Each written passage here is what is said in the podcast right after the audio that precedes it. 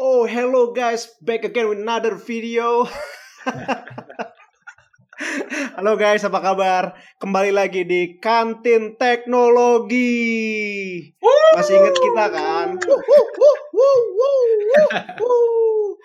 ya, bagi yang lupa, uh, ini Vino dan ditemenin uh, dua teman gue yang keren. Gua Adi dan Rian. Oke, jadi Vino, Adi dan Rian di sini coba ngebahas tentang teknologi yang kira-kira uh, bakal nyampe ke dunia, ke Indonesia atau bahkan ke berbagai tata surya lainnya. ke, ke dalam saku, ke dalam rumah. Ya. Ke dalam... Eh bener loh, bener. Bisa sampai ke situ juga. Iya, yeah, yeah. Kalau mau kita bener, bahas. Jadi ke mana-mana. Uh, kalian pernah dengar gak sih tentang teknologi nirkabel di dunia yang judulnya adalah 5G, the fifth oh, generation. 5G, 5G. 5G ya, ya benar-benar. 5G. Go go go go gole. Right? Apaan anjir? Enggak, jadi buat yang nggak tahu, uh, kenapa namanya 5G itu karena sekarang kita udah ada di generasi kelima untuk teknologi uh, mobile atau nirkabel. Kenapa wireless. bisa sampai wireless, wireless ya wireless apa sih? Iya kabel itu. gitu ya. Hmm. Tapi nih ya sebelum kita mulai nih, gue kasih tahu aja 5G itu bahaya banget nih. Waduh. Sumpah, sumpah. Lo, lo, eh, lo voting Trump ya? Lo voting Trump ya? eh, eh Yan, denger, dengerin gue dulu. Lo pernah nggak ke Amerika Serikat? Enggak. Yang belum. Sorry, Sama. Sorry, sorry. Enggak, gue nanya doang. Lu belum. Enggak, jadi lu coba berdiri di bawah tuh antena BTS atau apa namanya Blackpink segala macam. Lu berdiri di bawahnya.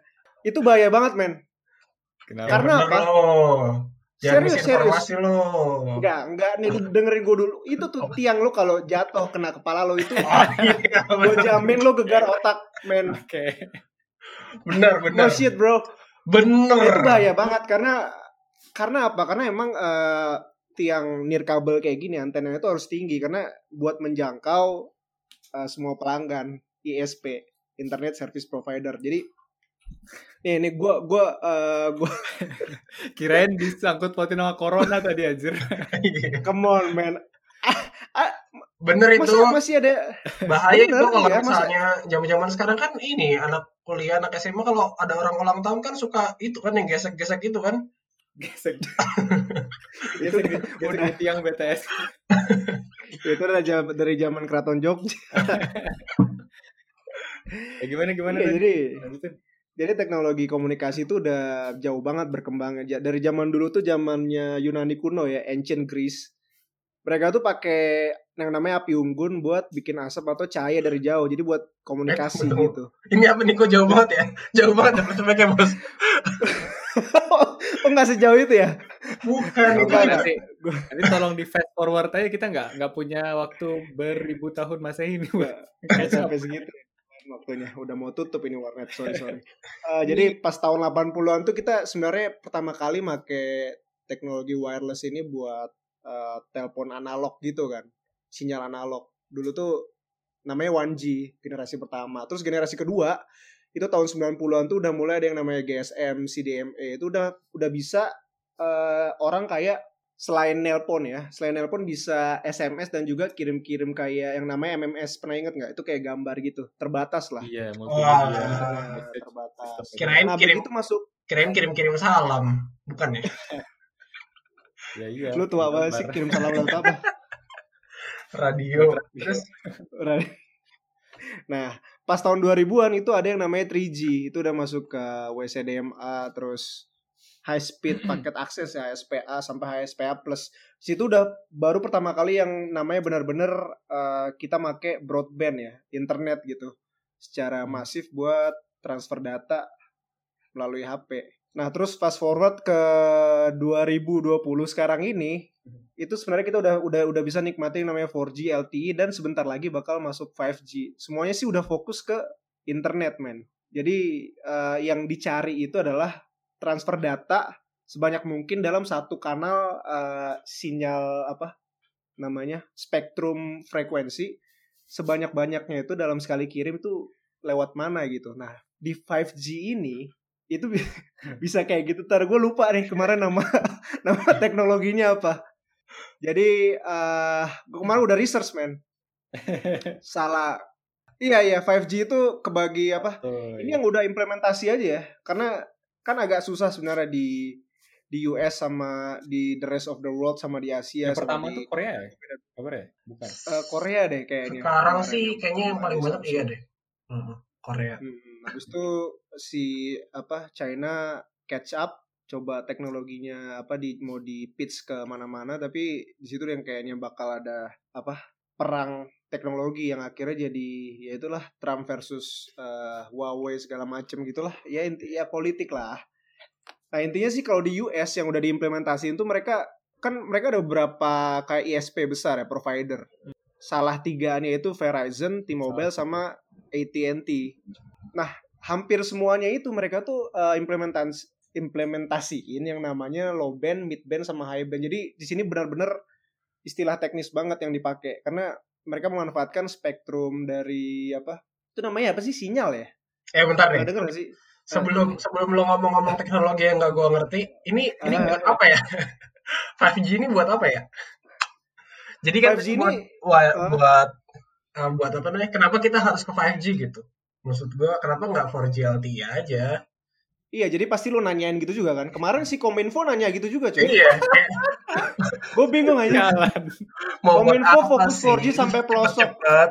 Eh, eh. Ngapain loncat ke 5G? Dibilang gitu, coy. Jadi besok ada tukang Oh, iya. depan rumah ya. Bentar, bentar. Biasanya nggak lewat sini nih untuk bakso gepeng. Nggak, anyway gini guys. Eh, menurut gue gini. Kenapa sih kita eh, Indonesia atau atau eh, dunia gitu kenapa harus lompat ke 5G padahal 4G juga di kampung lo kan di itu belum Belum, belum ada. belum merata juga kan. Iya. Itu bahkan di kamar mandi lu kemarin kalau nggak salah lo bilang katanya mau mat apa mau voice call aja mati-matian gitu kan. Apa? Lu jangan mengada-ngada dong. Oh iya. Tapi Ya, ya, benar intinya- di, di di luar Jawa kayak di Sumatera. Di luar Jawa kan tuh. Ya, yang Nggak. gua punya pengalaman di, di Hmm. Sumatera masih belum stabil sih si 4G. Hmm, kan Kalau di Bekasi udah, Vin? belum ya Bekasi lu nggak usah tanya lah itu kan Apa? pusat teknologinya Indonesia kan di situ kan Frontiernya Indonesia, coy. Eh. di Jakarta maksudnya Oh, Bekasi itu satelitnya jadi lo ngerti lah maksudnya kalau lo gabung-gabungin satelit biasanya lebih canggih sih emang. Satelit kan canggih kan. ya canggih satelit apaan sih ya, ya by the by the way anyway and busway itu si ya kita nanya nanya lagi buat apa ada 5G kalau 4G aja belum merata di Indonesia tapi sebenarnya gini kalau gue mikirnya eh, pasti kan pertama kali ada 4G itu dulu nih misalnya dari zaman lo 3G ke 4G kan ingat kan eh, pasti diimplementasikan tuh ke tempat yang eh, disasar yang kira-kira ini bakal sukses kan itu kan pasti kan mereka mikirin eh, bisnisnya kan Ya, bisnis komersial modelnya. needs-nya. di komersial Ada. needs-nya nah misalnya. 4G pasti tuh dulu gue inget banget ya XL tuh salah satu yang lumayan cepet implementasiin itu di Bali di daerah pariwisata jadi yang pakai XL itu bisa coba 4G yang beneran lumayan cepet LTE itu di Bali buat eh ya di situ untuk ngedukung industri pariwisata juga. Dan pada akhirnya eh ini gue mau ngomongnya ke mana ya? Intinya cepet di situ. Jadi eh, balik modalnya bagus lah karena industri pariwisata dis- disokong sama 4G 4G itu bisa buat upload video lah. Jadi istilahnya apa sih ngepromosiin pariwisata kan gitu segala macam jadi bagus Ya, pasti kalau namanya per- persebaran teknologi itu nggak langsung blek semua dapet gitu. ah Pasti benar pasti kan ada kan. mm-mm, Tapi trial- kalau- trial. Kalau kalau ngeliat ke belakang sebenarnya zaman-zaman dulu kan eh, 3G tuh zaman zaman Nokia apa ya? 9210 tuh udah 3G belum sih? Belum ya? Anjir gue udah tua banget. 3G itu kayaknya 2010-an Gua- masih 3G. Oh, 3G itu pertama kali iPhone ya? Pertama kali iPhone keluar nggak sih? 2007 ya? enggak juga Enggak juga ya? lu lu pasti ingetnya kan eh, iPhone itu kayak smartphone yang lumayan apa kompleks pertama kali kan padahal di OG iPhone itu 2G coy yang paling akhir 5 kali ya? Iya, lu bisa bilang kayak gitu, Ya, tapi itu itu waktu pertama kali iPhone belum ngeluarin yang namanya App Store. Jadi kita udah Oh, bisa iya, iya. pakai iPhone, tapi itu pun masih 2G dia. Sebelum akhirnya mereka keluarin iPhone yang kedua tuh baru namanya iPhone 3G. Itu ada di namanya tuh. iPhone pertama tuh ya iPhone doang tapi emang Iya, masih iya. 2G waktu itu. Lu pasti mikirnya ya ampun smartphone waktu itu tapi masih pakai 2G kan aneh kan. Karena Soal- ya waktu Soalnya itu masih apa kayak apa namanya? Dulu kan waktu zaman-zaman kayak masih 2G, masih SMS, terus kalau di SMA di Hmm. Jakarta sih pakai Ibadi gitu kan anjir. Terus uh, Iya, BBM, iya. masih MMS anjir. Iya. Zaman deket-deketin cewek pakai Terus apa namanya? Gila. Gua, dan itu dan itu kayak ngirim-ngirim gambar aja tuh lama banget kan. Dan apa namanya? Hmm, nggak kebayang aja lu sekarang uh, kayak sekarang ada, ada Gojek lah, ada apa namanya, ada Waze lah, kayak gitu-gitu dulu possible nggak ya kalau pakai kalau pakai 2G gitu.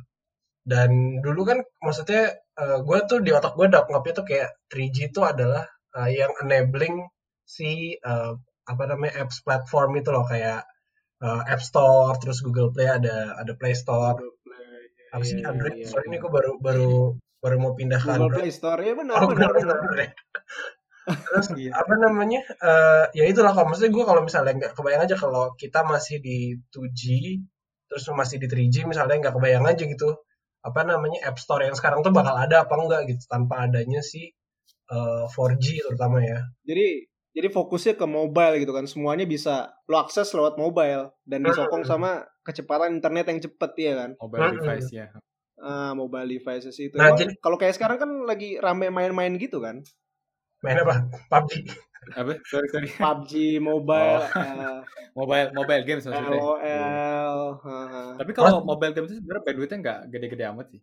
nggak gede-gede Oh. banget ya. Hmm. Cuman gua- aplikasi. Gue jadi nggak apa namanya? Jadi ngebayangin aja kayak oh kalau dari 3G eh, ke 4G kayak gitu terus kalau dari 4G ke 5G apa ya yang bisa possible gitu. Kira-kira apa yang bisa possible? satu satu yang paling butuh Nggak. banget bandwidth gede itu video, konten video. Konten video. Ya kalau kalau misalnya Ah, uh, jadi balik ke pertanyaannya lagi, buat apa yo coba-coba. bandwidthnya kan uh, kalau uh, kualitas videonya bagus itu maksudnya berarti uh, kita uh, as a user experience-nya lebih bagus kan kualitatifnya Hmm.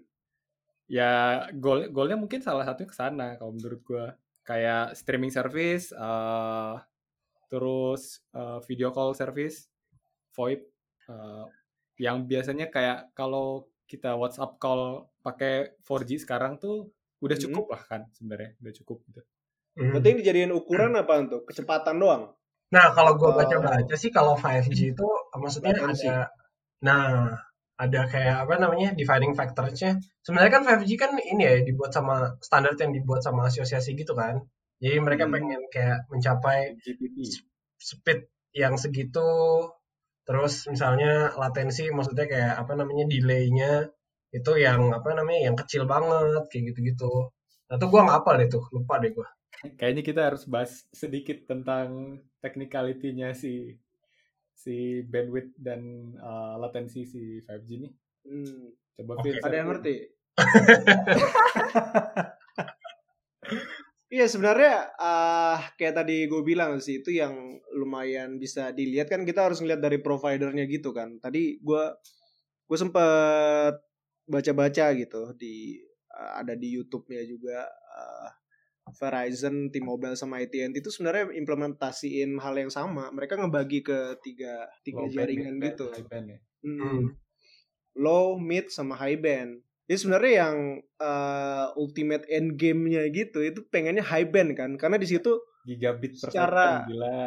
nah itu teori apa secara teoritis itu bisa sampai 1 gigabit per second di atas itu malah. Jadi kayak lo nonton Netflix satu season apa Dark atau apa Umbrella Academy itu cuma berapa menit doang bisa lo lo lo simpen di HP lo gitu. Dan itu HD gitu kan, nggak nggak nggak cuman kayak 3GP zaman dulu gitu. 3GP, what the hell. Ini satu gigabit per second loh. Iya. Nah cuma yang eh, yang kenapa mereka harus dibagi tiga gitu ternyata untuk mencapai kecepatan kayak gitu mereka tuh butuh eh, frekuensi yang namanya millimeter wave. Kenapa Hmm. namanya millimeter wave itu? Karena emang ukurannya kecil banget cuma 3 sampai 50 mm apa kalau nggak salah. Ntar gue tanya Pak ini Pak Yanto lu. Pak Yanto. Enggak, jadi gue gue lupa exact number ya, tapi intinya itu uh, dia kenapa namanya milimeter karena emang sekecil itu jadi dibandingkan dengan spektrum di bawahnya itu kan dia uh, sampai bisa sampai 50 GHz kan 50 GHz itu berarti frekuensi ya. Frekuensi itu sekali dia apa um, Nah, ada yang ngerti nggak frekuensi apa? Menjalani satu uh, gelombang dalam satu detik benar gak sih?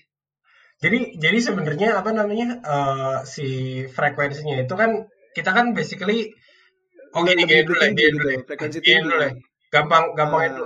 Uh, sebelum ke sana dulu ya sebenarnya kan 5G ini kan metode buat mentransfer informasi sebenarnya bukan 5G sih maksudnya uh, si wireless ini adalah uh, apa namanya uh, salah satu metode untuk mentransmit teknologi yang mediumnya adalah uh, radio waves gitu kan. Uh, kita punya banyak banget nih macam-macam uh, apa namanya medium. Kayak misalnya fiber optik kan mediumnya cahaya. Habis itu apa namanya kalau misalnya pun di uh, control system misalnya mediumnya ya electricity gitu. Hmm. Nah si 5G ini kan kita gunain uh, apa namanya uh, electromagnetic wave yang uh, di spektrum yang namanya uh, radio wave ini.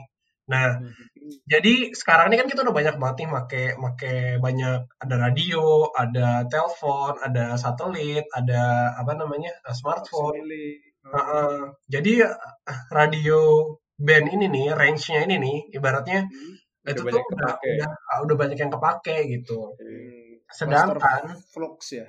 Uh, terus sedangkan kita tuh uh, ke depannya bakal banyak banget nih apa namanya device-device yang yang masuk gitu kayak um, Internet of Things lah ada ada smart car lah atau autonomous car nah kita ibaratnya butuh ngelebarin jalan lah gitu nah ke mana nih nyari jalannya gitu kalau misalnya apa namanya uh, jalannya itu adanya adalah ya udah kita lebarin jalan ke frekuensi yang lebih tinggi atau wavelength yang lebih uh, kecil gitu. Jadi apa hmm. namanya uh, ibaratnya kalau misalnya, aduh ini nggak ada nggak ada ini sih nggak ada gambar ya. Jadi uh, apa namanya ibaratnya kalau panjang gelombang kan? Iya panjang gelombang tuh kalau yang uh, aduh salah sinusoidal itu yang itu jadi makin rapat ibaratnya kayak gitu. Oh, apa dijelasin aja. Uh, uh, iya, nah. jadi yang saya ingat gue sih itu memang yang frekuensinya lebih kecil, dia gelombangnya lebih panjang gitu gak sih? Hmm, dan si tinggi, gelombangnya pendek gitu kan, wavelengthnya itu. Ya, frekuensinya hmm. frekuensinya makin tinggi, uh, basically frekuensi berkebalikan uh, sama wavelength lah gitu. Hmm. Ah iya iya. iya. Jadi ini salah satu caranya siapa namanya uh, si siapa tadi 3GP di siapa asosiasi apa tadi? 3GPP. Oh iya benar 3GPP. Benar benar benar. Partnership Project. Udah uh, lama itu uh, dari sejak 3G kan itu maksudnya berarti. Nah, eh, salah satu strategi atau teknologi di balik 5G supaya mencapai kecepatan yang tinggi dan juga latensi yang rendah gitu. gitu. Nah, itu salah satu lah, salah satu teknologinya adalah sih yang tadi Vina bilang sih millimeter wave itu gitu. Hmm. Itu cuman karena uh, ibaratnya gini kalau tadinya kan ibaratnya lo kalau ada tali nih, tali lo apa namanya? gerak-gerakin naik turun naik turun Hmm. Nah itu kan ada gelombangnya tuh apa namanya ada kayak dia bakal kayak kelihatan kayak sinusoidal gitu ya hmm. kayak ombak gitu lah ibaratnya ya nah hmm. kalau zaman dulu si ombaknya itu tuh uh, panjang-panjang aduh panjang-panjang nah iya, karena panjang-panjang karena panjang-panjang dia jadinya bisa apa namanya mencapai radius yang lebih besar gitu sedangkan hmm. karena ini pendek-pendek nah karena dia itu pendek-pendek dia apa namanya uh, jaraknya juga jadi lebih dikit. Plus karena dia itu uh, frekuensinya lebih tinggi, uh, ada namanya skin effect lah gitu ya. Jangan ini. Jadi wow. dia Apa jadi skin effect? Gue ngerti. jadi basically uh, uh, semakin tinggi frekuensi, dia tuh jadi semakin gampang keserap sama material gitu. Kayak oh. Karena besi, habis itu apa namanya uh, hujan, bahkan katanya hujan pun aja bisa ganggu si sinyalnya sih uh, si millimeter wave ini gitu. Hmm, ya itu karena terlalu tipis sih se, se seingat gue ya. Karena hmm. kemarin gue nonton uh, gelombangnya emang dia bahkan buat nembus kulit aja cuma sampai lapisan epidermi di luar doang. Hmm. Karena saking tipisnya gelombangnya. Cuma dia mepet banget kan. Jadi dalam penetrasi ya dikit banget. Dalam jarak sependek itu dia udah udah bisa transfer informasi yang banyak Berarti karena berfrekuensi tinggi. Konsekuensinya si instalasi si peng apa sih penghubung Ini si SNSD. SNSD sih. Instalasi BTS. si BTS-nya itu kayak si ya tiang Antenanya. itu harus lebih Ah. dense berarti ya karena range-nya pendek gitu. Iya. Gitu. Oh, iya. Dan Iya makanya itu juga ada teknologi lagi namanya MIMO buat eh, mendukung itu. Dia hmm, apa? Multiple in multiple out ya kalau nggak salah. Itu sih dulu ada tuh eh, aslep gua di telco namanya Adit atau siapa gitu. Itu dia udah jelasin dulu Mimo itu. Cuma ternyata buat 5G itu berguna banget. Jadi Oh, eh, apa? Dari satu biasanya kan satu antena tuh buat satu kecamatan ya misalnya iya, iya, iya. satu ya beberapa desa gitu kan. Nah kalau sekarang itu di satu kecamatan tuh dikasih antena-antena yang lebih kecil, tapi di, di dalam antena itu ada eh, beberapa sel-sel lagi yang bisa apa menjalankan sekaligus apa input outputnya gabungan gitu. Jadi gimana ya jelasin ya? nah ini, Jadi ini dia bisa nerima semua semua itu agak kita harus ini nih sih apa? Harus harus harus nih. Iya, Adit sih kayak, kayak pernah kenal kan namanya Adit itu. Slap gue lumayan ini. Tak basically sih maksudnya gini gue ini gue bukan bukan ahli tel telekomunikasi ya. Ntar kita, Kita bertiga kan tapi kita Ini kita kan- nanti tapi kita undang lah kita undang di next eh, apa namanya season lo season. Tapi kan inti tapi at least Tapi- kita bertiga mencoba buat memahami gitu. Jadi jadi setahu gua ya, setahu gua basically kalau du- kalau ini kan dia multiple input multiple output si 5G. Nah, sebelumnya Hmm. itu basically satu satu apa namanya? satu sel, satu uh, antena ini Hmm. itu bisanya uh, ska- antara dia cuma ngirim doang atau uh, nerima doang atau uh, nerima dan ngirim tapi cuma dari satu device gitu. Kayak apa namanya? Nah, sekarang dia bisa dia kan jadi makin banyak tuh apa namanya uh, selnya. optimize ya. Ya, jadi satu satu BTS tuh bukan cuma satu doang, jadi bisa bisa ada apa namanya beberapa modul gitu. Nah, Kayak setiap modul bikin mesh network gitu jadinya ya. Mm, handle trafficnya lebih banyak lah ya, lebih pinter Ah, ya. jadi bisa bisa handle device lebih banyak lah eh, karena Mimo ini gitu. Berarti kalau dipikir-pikir kayak gitu, invest buat infrastrukturnya lebih lebih banyak dong ya nambah. Nah, itu dia. itu dia kenapa ditanya, kenapa butuh. Enggak, tapi tapi ya kalau kayak lo tuh di Jakarta lo nonton Netflix, nonton apa namanya? Kingdom kan, nonton drama Korea di Netflix lo ketinggalan tuh sama si Adi, dia udah season 2, udah selesai lu baru mau nonton season 1. Tapi ternyata di di rumah lo di di dekat situ mana tuh? Di Jakarta ada eh, sinyal 5G nih. Ini misalnya ya. Kan harusnya lo bisa lebih cepet kan itu nge-catch up buat Netflix. Download Nah, dulu ini- waktu lu nonton sama aja. Benar Nah, juga sih. ini adalah satu apa namanya? satu Iya. kesalahpahaman orang-orang Hmm. heeh, antara 5G sama 5G. WiFi internet. Iya. Karena itu dua beda Nah, beda beda standar gitu. Jadi kalau 5G itu Hmm, dibuatnya sebenarnya untuk untuk cellular network. Jadi untuk smartphone kita. Jadi buat si mobile device sih. Heeh, jadi basically si Hmm. operator itu mesti kayak tadi kan kita pengen bikin jalan lebih gede tuh. Nah, mereka harus apply uh, lisensinya gitu. Kalau eh gue mau pakai jalan ini nih gitu. hmm, Sedangkan kalau- kanalnya. Heeh, sedangkan kalau WiFi itu eh, di rumah, maksudnya indoor gitu, indoor use. Nah kemarin kan ceritanya kan gue baru beli beli ini nih, beli HP nih, OnePlus asik. Wah. Asik. Sana ya. Nah, jadi gue kemarin tuh baca, jadi di apa namanya di safety precautionnya si pamfletnya itu, iseng-iseng baca Oh, itu, lu, lu baca? Luar biasa. Masih ada yang baca brosur gitu. ya, ada, baca apa? ada ini apa namanya ada cautionary gitu dari dari salah satu pemerintah lah gitu. Basically eh, apa namanya 5 GHz frekuensi 5 GHz-nya yang dipakai sama si HP ini itu cuma bisa dipakai di indoor gitu. Nah, si 5 GHz inilah yang dipakai buat Wi-Fi 6 gitu. Makanya uh, apa namanya sekarang tuh revolusinya ada dua sebenarnya ada Oh, 5G, ada Wi-Fi 6 gitu. Kalau 5G basically dibuat untuk Iya iya iya. yang cellular network. Kalau Wi-Fi basically buat yang di indoor kayak di rumah. Biasa ya. di- Iya, Yang di- biasa berarti bukan yang 5 GHz kan yang biasa 2,4 GHz itu kan. Ah, betul. Nah, gue kemarin nyoba, gue kemarin nyoba kan eh, iPhone SE gue yang lama nih, terus sama sebelahnya OnePlus Nord, eh, apa namanya? Yang satu 2,4, yang satu 5 GHz. Yang 2,4 tuh kayak cuma 20 megabyte. Tapi yang eh, 5 GHz itu 70 megabyte ininya speednya. Jadi What? kerasa banget. Hampir empat kali lipat ya. Wow. Iya. Meskipun ternyata, nah ini WiFi itu lebih kompleks lagi sih ada ada ini. Ternyata OnePlus Nord nggak nggak punya WiFi 6. Nah itu kita bahas lain waktu aja deh. Kita kan membahas 5G. Oke. Iya. Oke. Gitu. Itu misteri Jadi, yang masih harus di ini nanti. Oke. Jadi Iya tadi tapi maksud gua tuh ketika ada ini sih tiang tiangnya siapa gitu XL atau Telkomsel lah atau siapa lagi eh, simpati atau apa dipasang di situ yang dia pakai 5G gitu. Iya kan? Lo download atau saudara lo yang di di kampung gitu ada di Padang eh, Dia belum ada. Padang. Padang, baru masuk tuh.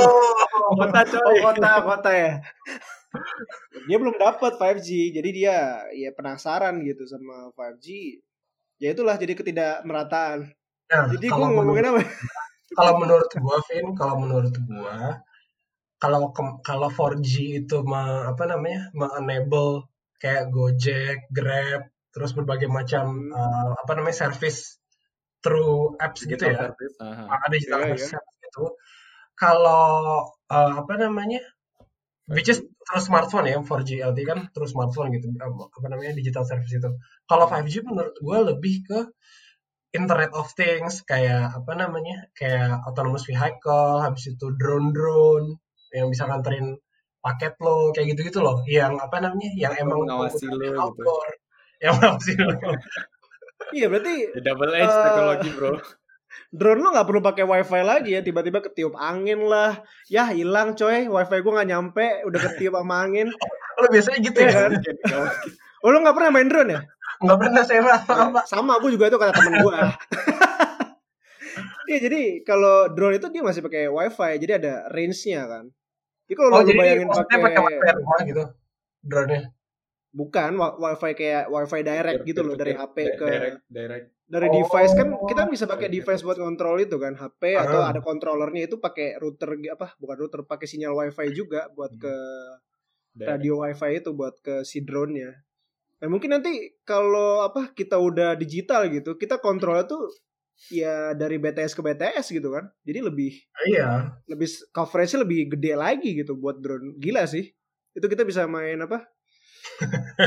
kenapa jadi main ya Oh iya maksud gua ini maksud gua, gua ngebayangin balapan drone gitu loh sampai ke daerah-daerah kan seru coy. Lewat-lewatin apa taman bunga lah ada Iya jadi seru gitu kan drone kan biasanya cuma buat foto lah, Ah. landscape apa segala macem itu ya itu mah instagramer biasa juga banyak kayak gitu. Tapi maksud gue ini benar-benar kompetitif gitu. Eh drone-nya dari jadi kayak maraton tapi drone dan itu balapan jarak jauh. Itu Gila, banyak tek- teknologi yang dijadiin kompetisi gitu loh.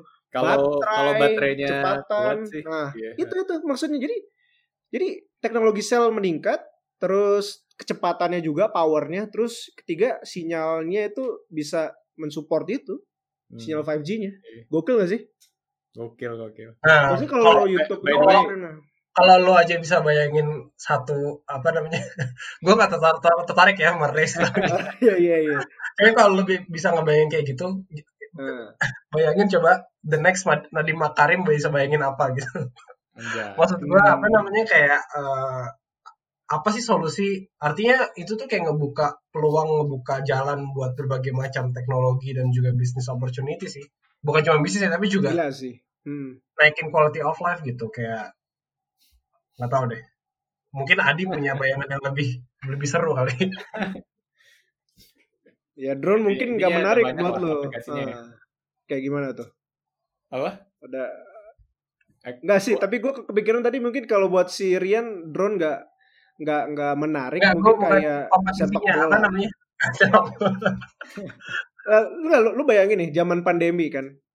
Lu nggak bisa nonton ke stadion apa Bung Karno Persija kan The Jack lawan Persib gitu eh Viking. Lu maunya nonton langsung di situ tapi nggak mungkin kan. Karena itu bakal meningkatkan apa kemungkinan lu buat dapat covid. Nah kalau ada 5G lu bisa kayak mungkin nanti pakai apa namanya? AR atau VR ya? VR masuknya kali ya?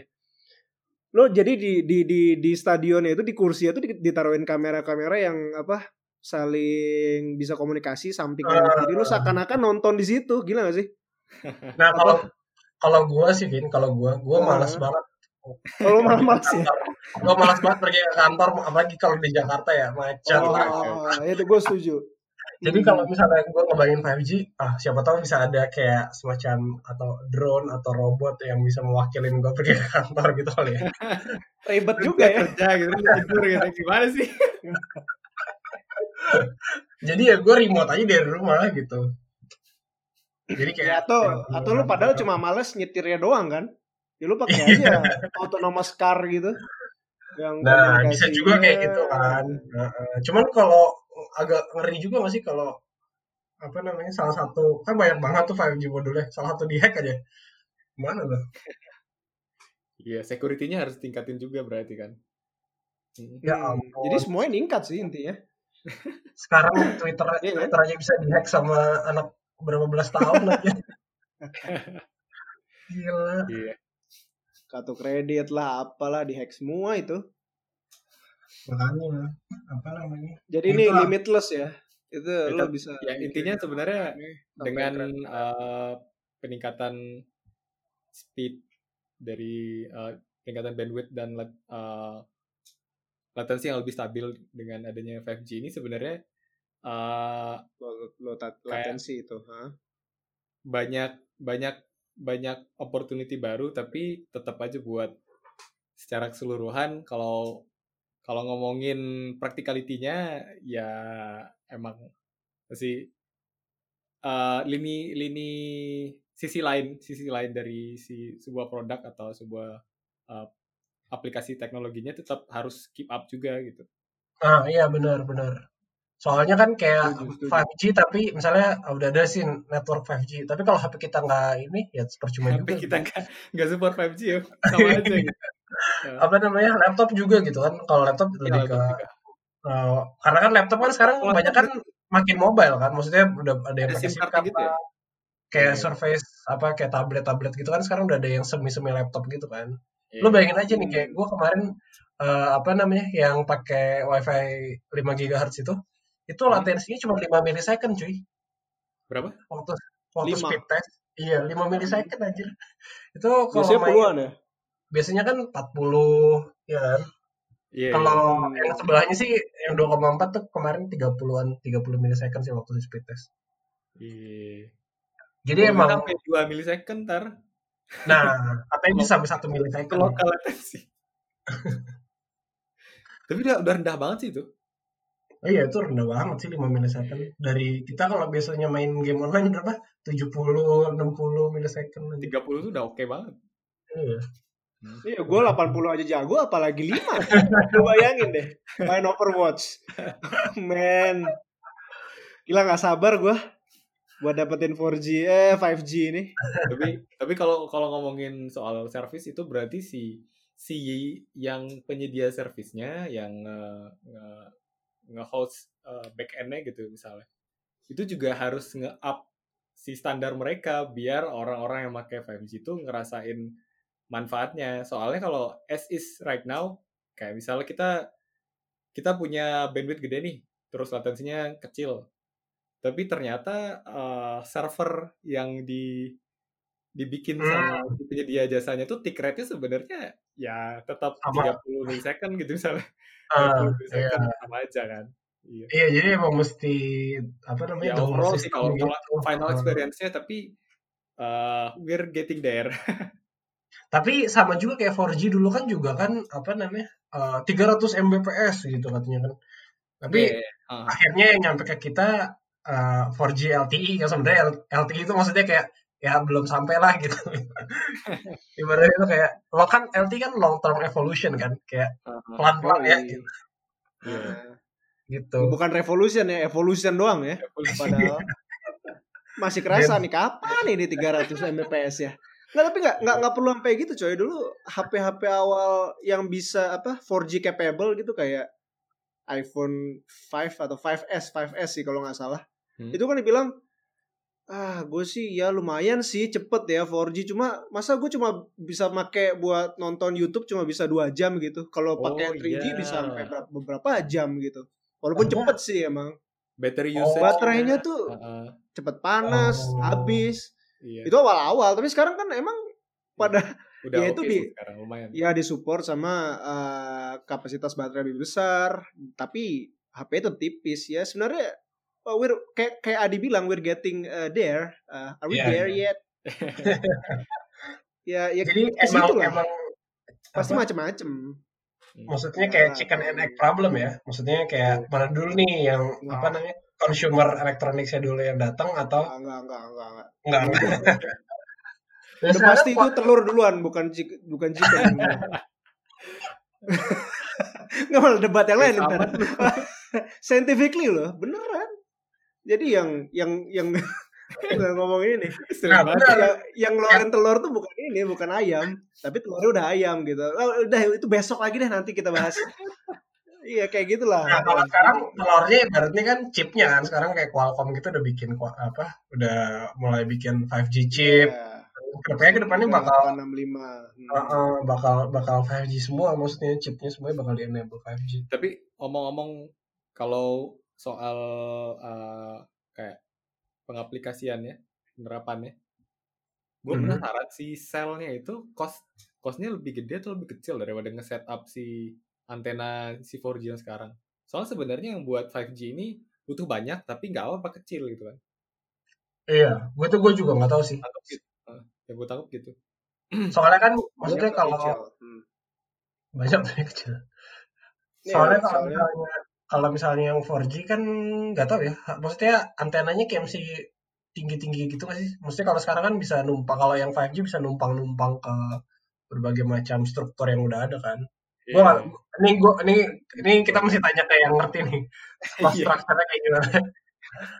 Tapi gue yakin sih lebih lebih maksudnya itu butuh investment banyak sih apalagi 5G nggak bisa nggak tahu bisa ngakomodir eh, sinyal atau chip-chipnya 4G nggak ya?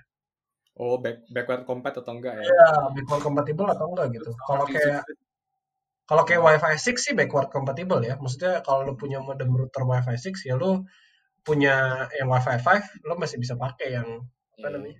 Bisa connect. itu chip di HP-nya maksudnya ya? atau di sel di towernya Gue gue ngomongin sel buat tower sih tadi. Gue mikirnya Iya. itu salah satu yang kayak eh menghambat kayak industri telco buat nerapin karena costnya mahal. Tapi nggak tahu sih, itu asumsi aja.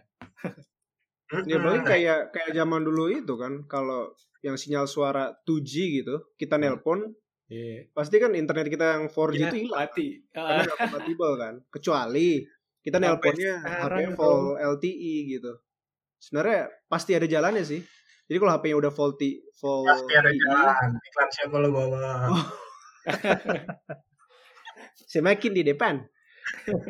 ya kalau faulty nggak nggak nggak putus internetnya karena di satu kanal itu jaringannya. Jadi Iya. nelpon bisa tapi internetnya masih jalan. Hmm. Ya, gitu deh. Ya 5G Ya, ntar nanti bisa lah kapan-kapan gitu kita undang ya.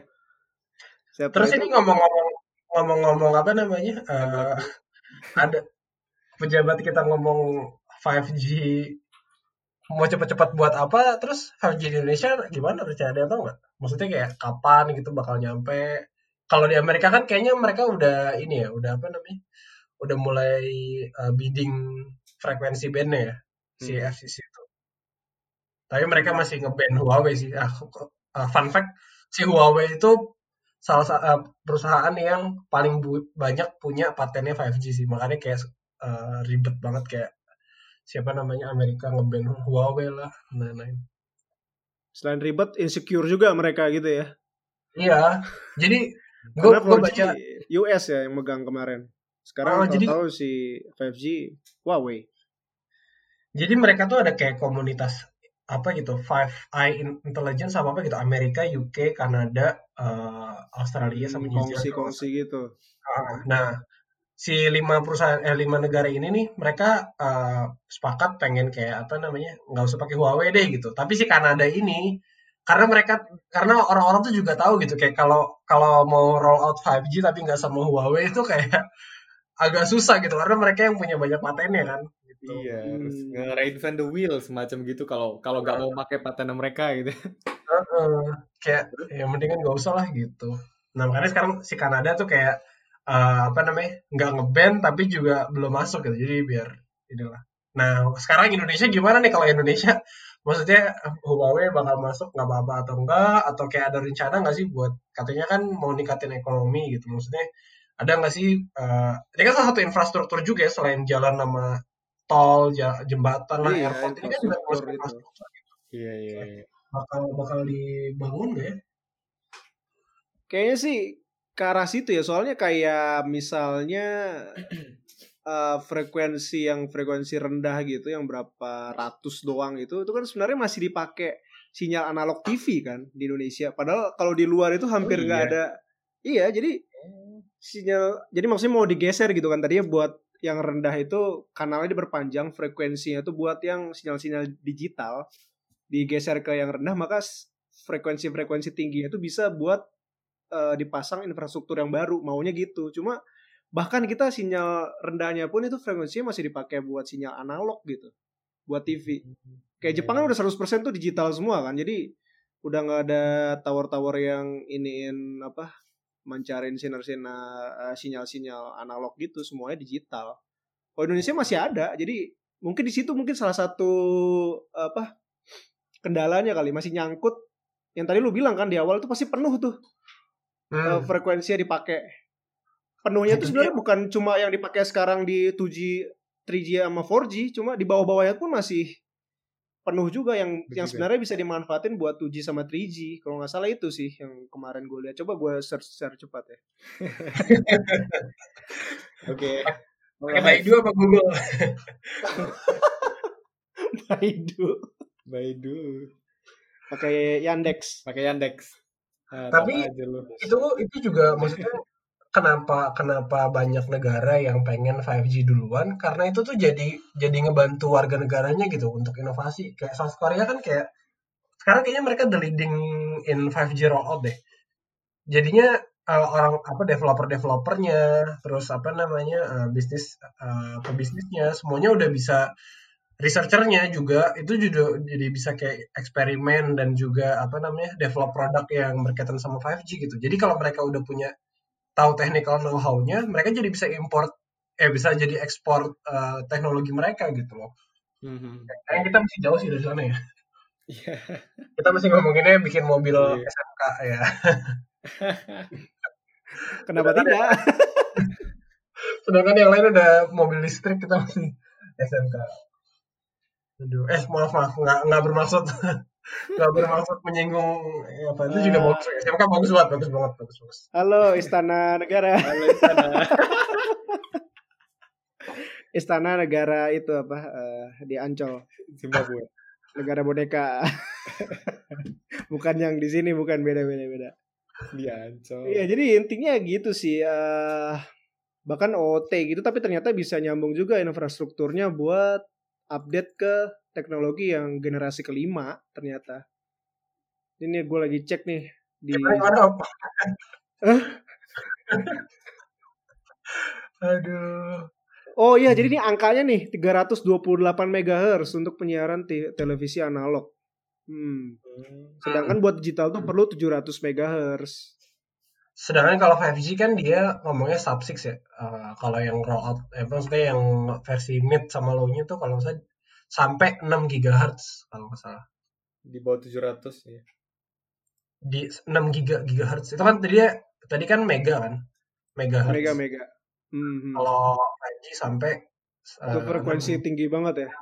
Gue jadi ngeri Iya. cuy. Setinggi itu. Enggak Makanya otak lu orang-orang ntar berubah jadi kadal. bilang ini kan ada yang bilang apa namanya eh, corona Soalnya cuy, ya.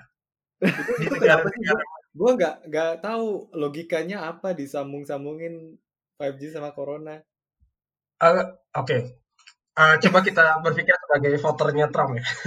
nah iya kita Jadi harus coba emang pahami sudut pandang emang mereka kalau, dulu gitu kalau kita memahami setengah-setengah itu make sense gitu. Kayak misalnya nih HP lo nih, HP lo nih juga sebenarnya kan emitting itu kan apa namanya eh, electromagnetic eh, wave kan, yang which is dipakai Hmm. juga gitu untuk apa 5G, 4G. Dan di eh, setiap HP itu dites juga sebenarnya nggak boleh ngelewatin batas namanya SAR, gue lupa apa deh. Eh, nanti lo bisa lihat lah. Nah, basically kalau misalnya semakin tinggi frekuensinya, itu tuh eh, energi yang dibawa tuh semakin tinggi gitu. Hmm. Jadi apa namanya? eh, ibaratnya nih kalau misalnya energinya ini makin tinggi, kalau lo kena apa namanya eh, tangan lo atau kena apa namanya kena barang-barang yang biologis gitu ya, itu bisa Hmm. ngerusak gitu. Jadi Oh. karena dia semakin tinggi. Jadi logikanya gini, kalau logikanya eh, yang setengah-setengah ya, eh, semakin oh 5G pakai frekuensi lebih tinggi sampai gigahertz sampai berapa ratus puluh gigahertz gitu misalnya. Semakin tinggi frekuensi, semakin tinggi energi, semakin tinggi energi yang dibawa, semakin berbahaya ke eh, manusia gitu. Mhm. Nah, jadilah kemudian mereka berpikir kayak, wah gara-gara tinggi jadi menyebabkan apa namanya eh, merusak sel, bisa mengakibatkan mutasi lah sehingga menyebabkan penyakit baru bernama COVID gitu. Terus terus Itu yang, yang gue nangkep ya. Sedangkan kalau misalnya dipahami secara keseluruhan, sebenarnya si new radio band ini ya apa namanya si frekuensinya 5G ini ini tuh masih dalam dalam uh, kadar yang uh, masih aman gitu. Jadi kalau misalnya udah ngomonginnya ke uh, kalau bahaya tuh maksudnya di di level kayak X-ray gitu, gamma ray. Nah, itu itu uh, bahaya gitu. Tapi kalau misalnya di frekuensi yang 5G ini tuh masih masih dianggap uh, apa namanya? Masih aman sih sebenarnya. Iya iya, gue setuju itu. Itu kalau udah nyampe gamma ray sih itu sebenarnya udah gelombang yang bisa bikin ionisasi sih. Lu pernah nonton Hook Iya. kan? Lu kalau bukan Hook, lu udah kelar cuy hidup lu. Kalau Hook lo jadi hijau. Cuma kalau lo cuma ya cuma anak-anak mahasiswa pekerja biasa ya habis. Jadi sebenarnya kalau sampai gamma ray itu yang udah sampai apa giga digigain lagi gigain lagi jadi 10 pangkat berapa hertz gitulah itu 10 pangkat 19 hertz kalau apa namanya? Di atas itu ya. Bahkan tuh cuma Ah. se selevel UV aja tuh kan sebenarnya bisa bikin kanker kan. Karena dia bisa bikin kalau ngelewatin sel di tubuh kita dia mantul-mantulin gelombangnya itu bikin apa? Perkembangan Hmm. sel yang nggak nggak teratur gitu. Yang ujung-ujungnya jadi jadi tumor dan jadi kanker. Nah itu yang dimasukkan ke dalam kategori gelombang yang bisa mengionisasi eh, sel di tubuh Ah. kita di bawah itu sebenarnya aman semua di bawah itu infrared ada 5G ini di microwave bawah radio kan. segala macam 5G Di itu di bawah. bawah di bawah visible light gitu. masih di bawah itu semua. Jadi sebenarnya secara saintifik juga eh, itu belum masuk dalam kadar bahaya sih. Masih jauh di Mm-mm. bawah Tapi itu. makanya kalau dipahamin setengah-setengah Hmm. tuh kayak yeah. oh iya gitu. Iya, elektromagnetic spectrum tuh harus kita lihat dari bawah sampai atas semuanya itu kategori apa aja ada sih, tinggal di Google sebenarnya. itu itu pentingnya eh, nggak nggak nerima informasi mentah-mentah gitu ya Iya, Iya. goreng ada informasi yang nggak nggak ini In- informasinya benar semakin tinggi eh, frekuensinya semakin berbahaya gitu tapi Hmm. sebenarnya si frekuensi yang dipakai 5G belum berbahaya Hmm. buat Mm-mm, betul. buat sel biologis gitu ya That's Mm-mm. right, man. oke oke Gitu. gue tercerahkan Asik. Ini ngomong-ngomong kayak gini udah hampir satu jam deh. Atau belum ya? Atau rasanya Eh, doang satu jam? satu jam satu jam nih tapi kita belum belum ini ngaruhnya ngomongin 5G buat apa nih buat kita nih ngomongin gimana? ngidul gini ngomongin ngalur ngidul gini 5G ini ngaruhnya apa nih buat kita buat orang-orang teman-teman kita Kehidupan kerja gitu buat apa ya? Ah, Ah, selain selain untuk memutuskan beli smartphone 5G apa enggak gitu ya. Buat gue sebenarnya gue sebenarnya kayak ngapain ya gue beli OnePlus Nord 5G padahal gak gue pakai juga 5G di Indonesia lagi. Ya future proof kan ya future proof sih Heeh. Eh, tapi maksudnya kayak Kalau future proof terus kenapa? maksudnya gini loh apa namanya 5G kapan nyampe ke Indonesia? Lima tahun lagi nyampe gak? Nggak tahu ini sekarang ini sekarang masih sibuk masih sibuk bersihin itu kan frekuensi yang kanal-kanal kabar ya. low-nya itu Mm-mm. Sebenarnya analog ke digital semua tapi sebenarnya sih kalau kan dia kan frekuensi baru ya. Eh, maksudnya eh, apa namanya? Sebenarnya yang di bawah itu nggak masalah mereka mau mau dipakai atau asalkan dibuka Iya. sih yang sampai 6 GHz ini pertanyaannya sih 6 GHz ini lagi ada yang make nggak gitu soalnya kayak kalau di Amerika tuh ada beberapa institusi negara yang make gitu jadi kayak apa namanya uh, itu harus diregulasi sama si uh, Iya, namanya militer pakai juga sebenarnya nggak nggak benar-benar Heeh. baru. Heeh, Cuma iya buat implementasi di mobile ini belum aja gitu di frekuensi itu kepake. gitu Jadi kapan ya?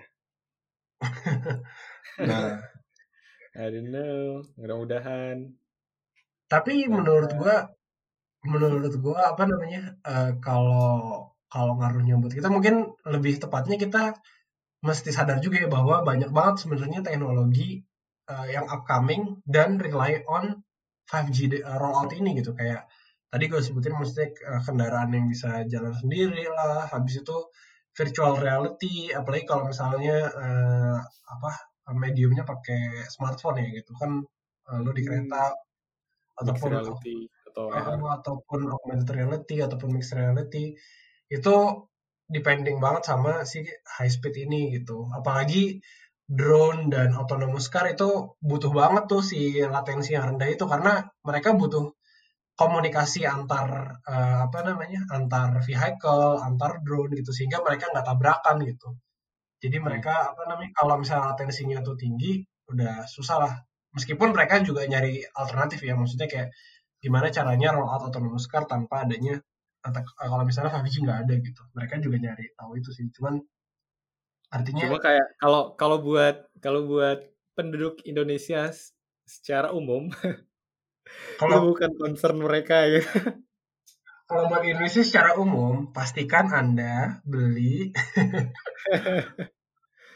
sebelum ke 5G beli apa namanya laptop dan juga smartphone eh, yang support Wi-Fi 6 dulu lah gitu. Iya, Wi-Fi karena Wi-Fi gua Wi-Fi 6 lebih deket sih harusnya ya.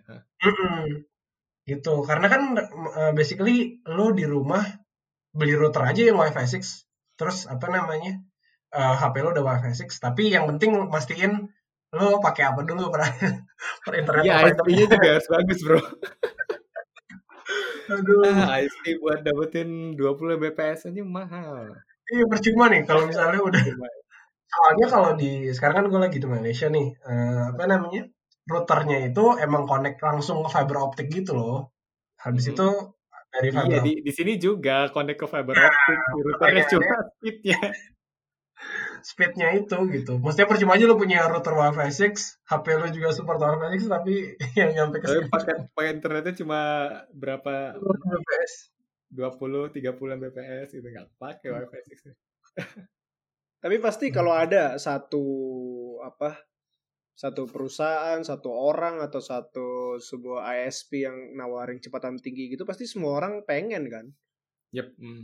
Pasti nanti mulai ngikutin lah ke arah situ. Jadi istilahnya bukan cuma ngikutin yang lain terpaksa harus bers- coba bersaing mencapai itu. Jadi Iya.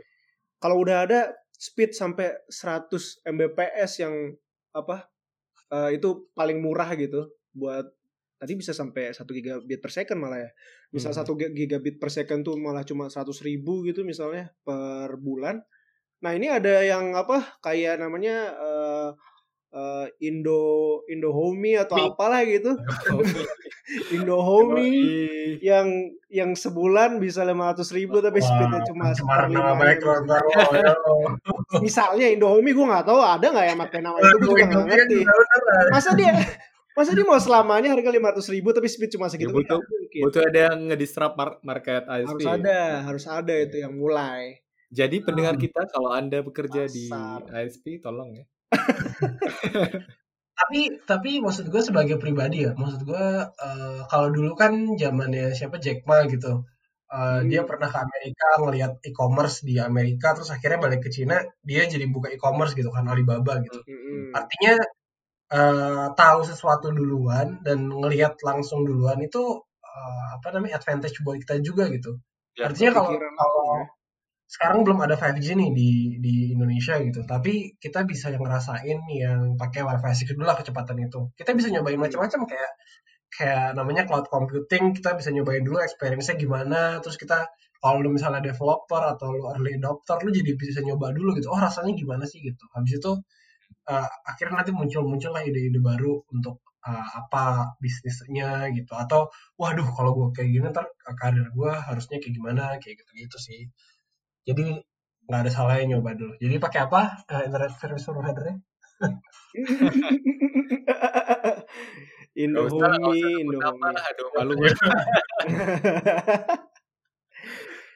ya pasti Ya. kalau lo udah nyobain jadi lo kebuka lah pikirannya lo jadi banyak ide oh udah udah apa pertama bisa mempermudah hidup lo gitu kan Uh, improvement di quality of life jadi nanti ya Bahkan sebelum sebelum nyoba dengan tahu dulu aja kayaknya udah jadi sebuah advantage buat kita gitu. Mm-mm. Bisa prepare meskipun misalnya katakanlah gue punya ide nih buat eh, manfaatin latency low latensinya 5G atau eh, high speed bandwidthnya 5G tapi cara ngetesnya belum ada sekarang tapi at least kan udah udah udah udah punya direction gitu Hmm. itu itu juga suatu advantage yang ya kayak kata Rian tadi eh, good nice thing to have gitu Contohnya kayak kayak gue sih, misalnya kayak gue kan kerjanya di apa namanya perusahaan yang eh, operate eh, proses plant ya, pabrik pabrik proses gitu, pabrik kimia, pabrik gas dan lain-lain. Nah, eh, dan 5G kan katanya bisa ngebantu apa eh, automation, habis itu apa namanya eh, smart smart eh, plant, bukan tumbuhan ya maksudnya. gue plantation ya.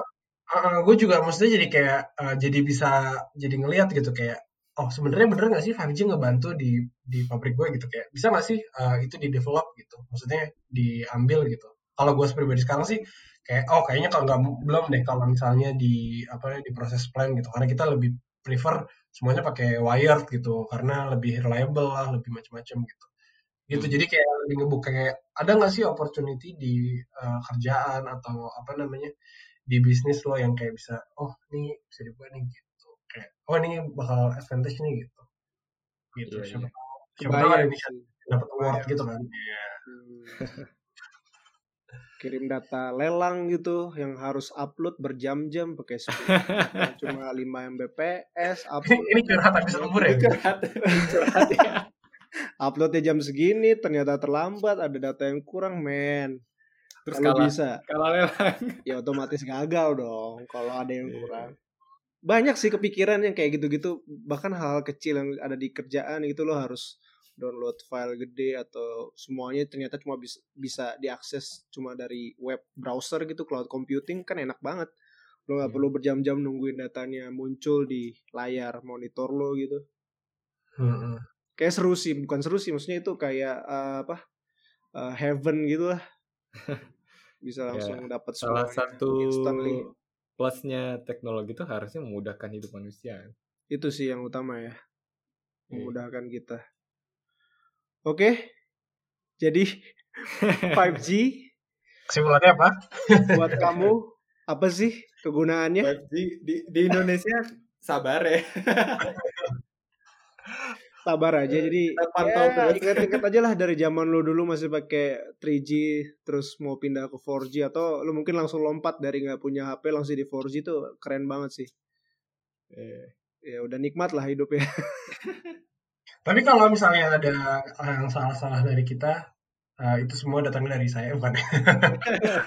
Ya kita kita banyak banyak banyak nyeletuk ini itu tadi. Jadi kalau ada feedback silahkan tapi kirim pesannya gini sih di Instagram era ini semua apa namanya kita eh, apa pun itu mau dari kita kayak mau dari siapa pun kita mesti selalu double check informasi lah ya gitu. Ya. dan selalu apa kita selalu terbuka lah kayak woi Yan geblek lo gitu misalnya woi Gak apa gitu Ngomong- aja Rian nah. ngomong lu ngasal Jadi- lo dasar lo kecoa kuantum gitu kayak Jadi kayak kalau Adit Adit denger Dia gatel pengen nampol satu-satu. Adit yang mana? Adit banyak banget. ya anyway jadi kalau ada uh, ada yang kurang atau yang lebih dan pengen lo sampaikan nanti kasih tahu aja uh, lewat Ya. email, Instagram kita. Instagram, Email. Twitter. Instagram kita ada di kantin teknologi. Kita nggak punya yang lain. Mudah-mudahan belum ada yang make itu kantin teknologi dan nyama-nyamain ngikut-ngikutin kita eh, sekeren dan secanggih ini. Nanti lo kasih tahu di situ dan kita coba update di episode selanjutnya.